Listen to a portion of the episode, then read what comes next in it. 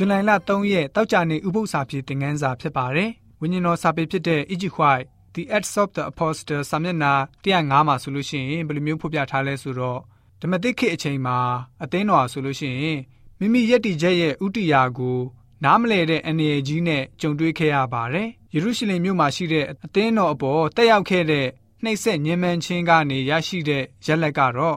ဥဝင်ကလိလုပ်ငန်းကိုအားကျိုးမှန်တဲ့လှုပ်ဆောင်ဖို့တွန်းအားပေးသလိုဖြစ်လာခဲ့ပါတယ်။ အဲ့ဒီနေရာအဲ့ဒီဒေသမှာနှုတ်ကပတ်တော်ဟောပြောတွင်တင်ခြင်းအမှုတော်ဟာ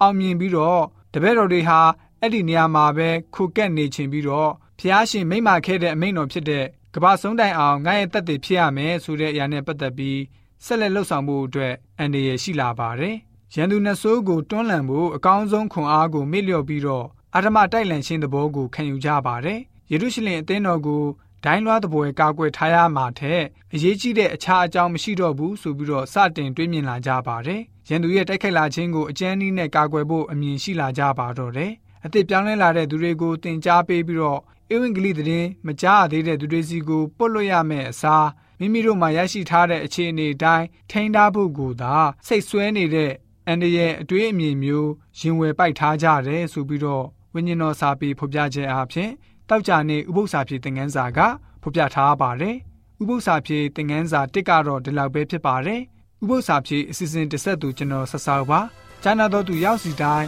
ဝိညာဉ်ခွန်အားနဲ့ပြေဝကြပါစေ။ကျေးဇူးတင်ပါတယ်။